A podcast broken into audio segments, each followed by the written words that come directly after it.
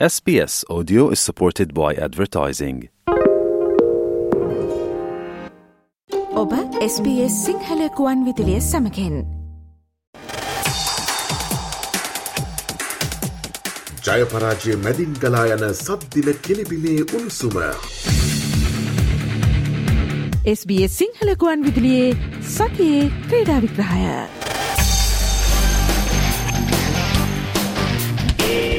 අයිබෝවන් SBS සිංහල සේවේ සතිය ක්‍රඩා වික්‍රහයෙන් අපි අද පළමුුවෙන්ම අවධානය යොමු කරන්නේ ශ්‍ර ලංකාවේ ක්‍රිකට් ක්‍රඩාව වෙතයි. අලුතෙන් පත් වූ ශ්‍ර ලංකා ක්‍රිකට් තේරෙම් කමිටුව පසුගේදා මාධ්‍ය හමුවක් ඇඳවා තිබුණා. මේ සඳහා එහි සභාපති උපුල් තරන් ඇතුළු සියලුම සාමාජිකීන් එක්ව සිටියා. මෙහිදී ඉදිරි බලාපොරොත්තු පිළිබඳව තේරීම් කමිටු සභාපති උපුල් තරංග මෙසේ මාධ්‍යයට අදහස් දක්වා සිටියා. ගත්තම පහුගේ අවුරුදු කීපයත් වගේම ලෝකුසලානය ගත්තම අපට හිතුව තරම් සාර්ථකන්න බැරි වුණා. මදන කණ්ඩායමක් ඉදිරියට ගත්තම අපට දක්ෂ ක්‍රීඩකයන් රසක් සිටිනවා. ගොඩක් වෙලාවට අපට තේරුණේ අපි කන්සිස්ටන්ට් නැහැ පර්ෆෝමන්ස් වල. පිතිකරුවන් අය ගත්තම ගොඩක් ක්‍රීඩකයන් ගොඩක් ස්ටාර්ටයක් ගන්න. හැබැයි ඒගොල්ලෝ කන්ටිනියු කරන්නේ නැහැ. මම පන්දු යමයන්ශය මම හිතනවා ඔවුන් ඉතාමත් හොඳින් කරා කියලා අන්තිම අවුරුදු කීපයම. අපි නැෂනල් සෙටප් එක ස්ට්‍රෝං කරගන්න නම් අපිට බෑකප් එක ඒ වගේම ස්ට්‍රෝං වෙන්න ඕනේ. අපි සිලෙක්ටර්ස් වශයෙන් මම හිතන්නේ බලන ප්‍රධාන දෙයක් තමයි මේ බෑකප් එක. ඒ බෑකප් එක කොහොමද කියලා අපි ස්ට්‍රෝං කරගන්නේ.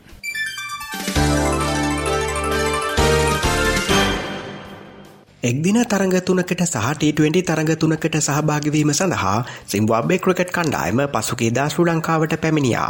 එය අනුව දෙරට අතර පළමු එක්දින තරගය හෙට පැවැත්වීමට නියමිතයි. අනෙක් තරඟ දෙක පැවැත්වෙන්නේ එලබෙන අටවනදා සහ එකොළොස් වනදායි. ඉන් අනතුරුව ජනවාරි මස දා හතර වනදා T20 තරඟාවලිය ආරම්භවීමට නියමිතයි. තරඟාවලිය සියලු තරඟ පැවැත්වෙන්නේ ආර් ප්‍රේමදාස ක්‍රීඩාංගනයේදී. මේ අතර උපුල් තරංගගේ සභාපතිත්වයෙන් යුතු ක්‍රිකට් තේරීම් කමිටුව පසුගේදා තරඟාවලි දෙක සඳහා එක්වන සංචිත නම් කළා. ඒ අනුව එක්දින කණ්ඩායමේ නායකත්වය කුසල් මෙන්ඩිස්ට හිමිවී ඇති අතර T20 කණ්ඩායමේ නායකත්වය වනිදු හසරංගට හිමිවී තිබෙනවා. කණ්ඩායම් දෙකහිම උපනායකත්වයට පත්කර තිබෙන්නේ චරිතස ලංකායි. එමෙන්ම එලබෙන ඇෆ්ගනිස්ථාන තරංගාවලිය සිට ශ්‍ර ලංකා ටෙස් කණ්ඩායමේ නායකත්වයට ධනංජයද සිල්වා පත්කර තිබෙනවා. මෙම පත්කිරීම් ඉදිරි ලෝක කුසලාන තරංගාවල ඉලක්ක කරගන්නමින් සිදු කළ බවයි තේරීම් කමිටු සභාපති උපුල් තරංග මහතා සඳහන් කරන්නේ. අපි දැනට හිතාගෙන ඉන්නේ මේ දෙනෙන් යන්න. මොකද කුසල්ට වුණත් ඔහුට ගැන හරි අවස්ථාවක් හම්බුන්නේ දසුංචානක නැති හින්දා තමයි ඔහුට මගදී නායකත්වය හම්බුනේ. ඒ වගේම වනිදුත් ඔහු වනිදුත් එක්ක අපි දිගට යන දා බලාපොරොත්තුව. විශේෂයෙන් 50 එකට අපිට තව අවුරුදු 4ක් තියෙනවා. ඒකින්ද කුසල් එක අපිට ගිහිල්ලා අපට බලන්න පුළුවන් කුසල් කොහොමද කියලා ඔහුගේ නායකත්වයත් ඒ වගේම ඔහුගේ පිතිකරණයත් කොහොමද කියලා. මේ අතර එක්දින කණ්ඩායමට ධනංජයද සිල්වා නම් කර නැති අතර T20 කණ්ඩායමට ඔහුව නම් කර තිබෙනවා. එමෙන්ම දෙදහස් විසියක වසරෙන් පසු ඇන්ජලෝ මැතිවස නැවතත් T20 සංචීතර කැඳවා තිබීමත් විශේෂත්වයක්. කෙසේ වෙතත් වෛද්‍ය උපදෙස් මත වනිදු හසරංග එක්දින තරංගාවලියේ මුල් තරඟ දෙකම ක්‍රීඩා නොකරන බවයි තේරීම් කමිටු සභාපති උපුල් තරංග සඳහන් කර සිටින්නේ. දන්නකොම වනිදු සර්ජරියක් කරා. ඇත්තටම ඔහු ඉතාමත් හොඳ ස්ථානක සිටිනවා. ඔහු දැනට එක්දින තරඟ දෙයක් ක්‍රීඩා කර අපේ ක්ලබ් ටූර්නමන්ට් එකේ. ඔහු දැන් අපට ෆිසියෝගෙන් එන රිපෝට් එක අනුව ඔහු අපට කියලා දෙන දැන්ට ඔහු මුල් තරඟ දෙක නැතුව තුන්වෙනි තරඟයට ඔහුට ක්‍රීඩා කරන්න හැකියාවක් ලැබේවි කියලා. මොකද ඔහුට ඕන වනිදු ජාත්‍යන්තර මට්ටමට එන්න කලින් ක්ලබ් තරඟ තුනක් ක්‍රීඩා කරන්න. ඊට පස්සේ තමයි ඔහු අපට රිලීස් කරන්න අපේ ජාතික කණ්ඩායමට. මේ අතර මේ තරංගාවලිය සඳහා ශ්‍ර ලංකා ක්‍රිකට් පිලේ නව පන්දු රැකීමේ පුහුණු කරු ලෙස උපුල් චන්ද්‍ර මහතාත් පිතිකරන පුහුණු කරු ලෙස තිලින කණ්ඩම්බි මහතාත් පත් කර ඇති බව ශ්‍ර ලංකා ක්‍රිකට් ආයතනය පවසනවා.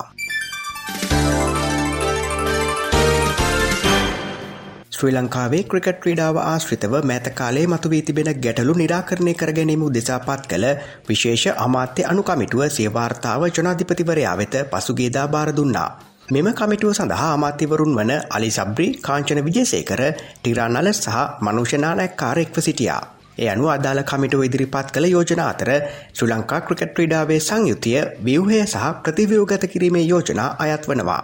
මෙහිදී ක්‍රිකට් ක්‍රීඩාවට අදාළ පුද්ගලයින් සහ නීති ක්ෂේත්‍රයේ ප්‍රවීණයින්ගේ අදහස් ආයෝජනාද මෙම වාර්තාවට ඇතුළත් වනවා. මෙහිදී අදහස් දක්වමින් ජනාධිපති රොනිල් වික්‍රමසිංහ මහතා සඳහන් කළේ මෙහි ඇතුළත් නිරීක්ෂණ ක්‍රියාත්මක කිරීමට තමන් බලාපොරොත්තු වන බවයි. එමෙන්ම නව ක්‍රීඩා පනත් කෙටුම් පතද නුදුරේම පාර්ලිමේන්තුවට ඉදිරිපත් කිරීමට බලාපොරොත්තු වන බවත් ජනධිපතිවරයා මෙහිදී වැඩදුරටත් පවසා සිටියා.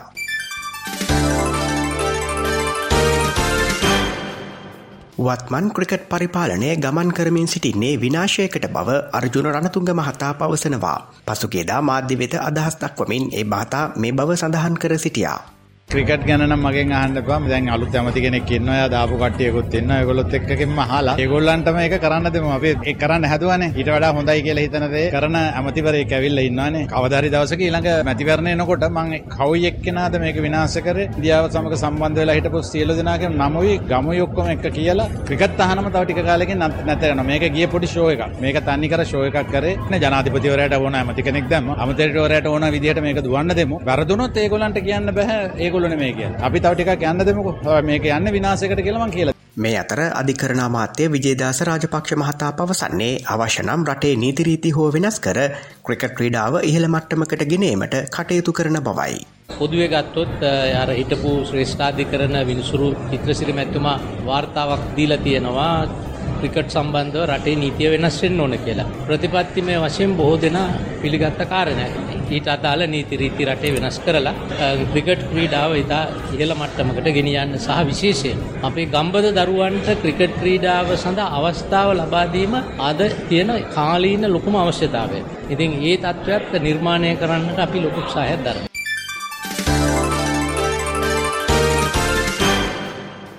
ශ්‍රී ලංකා කාන්තා ක්‍රිකට් පිලේ නායිකා චමරියත පත්තු මේ වන විට නවසිලන්තේ පැවැත්වෙන සුපර්ස්මෑෂ් T20 ලී ක්‍රිකට් තරඟාවලිය සඳහා එක් වී සිටිනවා. එහිදී ඇය නියෝජනය කරන්නේ නොදන් බ්‍රේව් කණ්ඩායමයි. එහිදී තමන් සහභාගි වූ පළමු තරගේදීම තරගේ දක්ෂතම ක්‍රඩිකාව ලෙස තේරී පත්වන්නට චමරි සමත් වනා. වෙලින්ටන් කණ්ඩායම සමඟ පැවතීම තරගේදී චමරි පන්දු යැවීමේදී ලකුණු දහ නමයකට කඩුළු හතරක්තවාගත් අතර උඩ පන්දු දෙකක් රැකගන්නටද සමත් වනා. පන්දුට පහරදීමේදී ඇය ලකුණු දහ නමයක් ලබාගත්තා. තරඟාවලියේ තම දෙවන තරගේට චමරි හෙට මුහුණදීමට නියමිතයි. කණ්ඩායම් හයක සහභාගිත්වෙන් පැවැත්වෙන මෙවර තරඟාවලියේ අවසන් මහා තරගය එලබෙන විසි අට වනදා පැවැත්වෙනවා.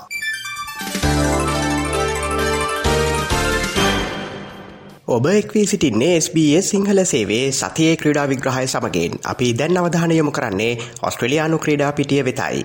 ඔස්ට්‍රලියාව සහ පාකිස්ානය අතර තුන්වන සහ අවසන් ටෙස්කෘක තරගේ මේ වන විට සිද්නිහිදී පැවැත්වෙනවා. තරගේ දෙවන දින ඒ නිමාවට පත්වන විට සිය ප්‍රථමනිම ක්‍රඩා කරන ඔස්ට්‍රලියාව කඩලු දෙකට ලකුණු එකසිය දහසයක් ලබා සිටියා. උස්මන් කවාජා ලකුණු හතලි සතක් ලබාගත්තා. පාකිස්ානය සිය ප්‍රථමනිමට ලකුණු තුන්සේ දහතුනක් ලබාගන්නට සමත් වනා. මොහමඩ රිස්වාන් ලකුණු අසුවටයි. පන්දු යැවීමේදී පැට්කමින්ස් කඩලු පහක් බිඳහෙලීමට සමත් වනා. එය අනුව දෙවන දිනේ නිමාවන විට ඔස්ට්‍රලියාව ප්‍රථමිනිමේදී තවත් ලකුණු එකසි අනුහතක් පිටු පසින් සිටිනවා. මේ අතර දෙරට අතර පැවති බොක්සිං දින ටෙස්තරගෙන් ලකුණු හැත්තෑ නමයක ජොයක් හිමි කරගන්නට ඔස්ට්‍රලියාව සමත් වනා. එය අනුව තරංගාවලිය මේ වන විටත් දෙකට බිඳුවක් ලෙස ජයගෙන සිටින්නේ ඔස්ට්‍රලියාවයි. මේ අතර ඔස්ට්‍රලයානු සුපිරි ආරම්භක පිතිකරු ඩේවිඩ් වෝන සහභාගි වන අවසන් ටෙස් තරගේ මෙයයි. කෙසේ වෙතත් තුන්වන ටෙස්තරගේ ආරම්භයට පෙර ඔහුගේ බැගි ග්‍රීන් හිස් වැසුම නැතිවී ඇති බවට වෝන සඳහන් කර සිටියා. එය හමු වූ අයෙක් වෙතොත් නැවතත් තමාට ලබාදන ලෙස ඔහු සමාජමාධ්‍ය ඔස්සේ ඉල්ලා සිටියත් මෙතෙක් ඔහුට එය හිමිවී නැහැ. එමෙන්ම තමා එක්දින ක්‍රිකට් පිටියෙන්ද සමුගන්නා බව වෝන පසුගේදා නිවේදනය කළා. තිස්හත් හැවිරිදි වෝන මෙහිදී සඳහන් කළේ ඉන්දියාවේදී ලෝක කුසලාන ක්‍රික තරංගාවලිය ජයගැනීමට හැකිවීම පිළිබඳව තමන් අතිශයින්ම සතුටුවන බවයි.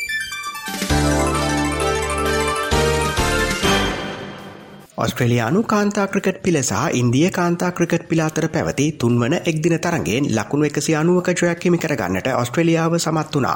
පළමුුව පන්දුවට පහරදි ඔස්ට්‍රලයානු කාන්තා ක්‍රිකට් පිල ලකුණු තුන්සියති සටක් ලබාගත් අතර පිළිතුරු ලෙස ඉන්දියාව ලබාගත්තේ ලකුණු එකසේ හතලි සටක් පමණයි. එය අනුව තරඟ තුනකින් සමන්විත එක්දින තරඟාවලිය තුනට බිඳුවක් ලෙස ජයගත්තේද ඔස්ට්‍රලයානු කාන්තා ක්‍රිකට් පිලයි. මේ ඔස්ට්‍රලයානු කාන්තා ක්‍රිකට් පිල ඉන්දියාවට එරහිව ලබාගත් නමවන එක්දින තරංගාවලි ජයග්‍රහණයයි. තෙරට අතර තරඟ තුනකින් සමන්විත T20 තරංගාවලියේ පළමු තරගය අදරාත්‍රයේදී පැවැත්වීමට නියමිතයි. ඒ සමගින් SBS සිංහල සේවේ සතිය ක්‍රීඩා විග්‍රහයෙන් අදට අපි සමුගන්නවා හමුවෙමු ලබන සිකුරාදාත් සුපුරුදු වේලාවට එතෙක් ප්‍රාර්ථනා කරන්නේ ජයග්‍රාහි සතියක්. ජයපරාජය මැදින් ගලා යන සද්දින කෙලිබිලේ උණුසුම. SBS සිංහලකුවන් විදිලියේ සතියේ ක්‍රීඩා විග්‍රහය.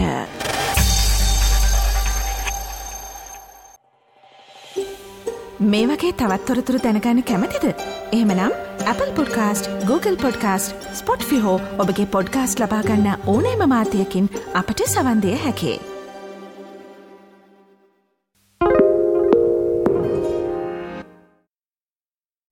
SBS is Australia's most trusted multilingual broadcaster. Our listeners are loyal, highly engaged, and have supported countless local businesses. We offer advertising packages for businesses of all sizes. Our experienced sales team will guide you through the process of owning a great campaign. Bring your own ad or have our production team make you something in one of our 68 languages. Start the conversation with your new audience today. Email sales at sbs.com.au.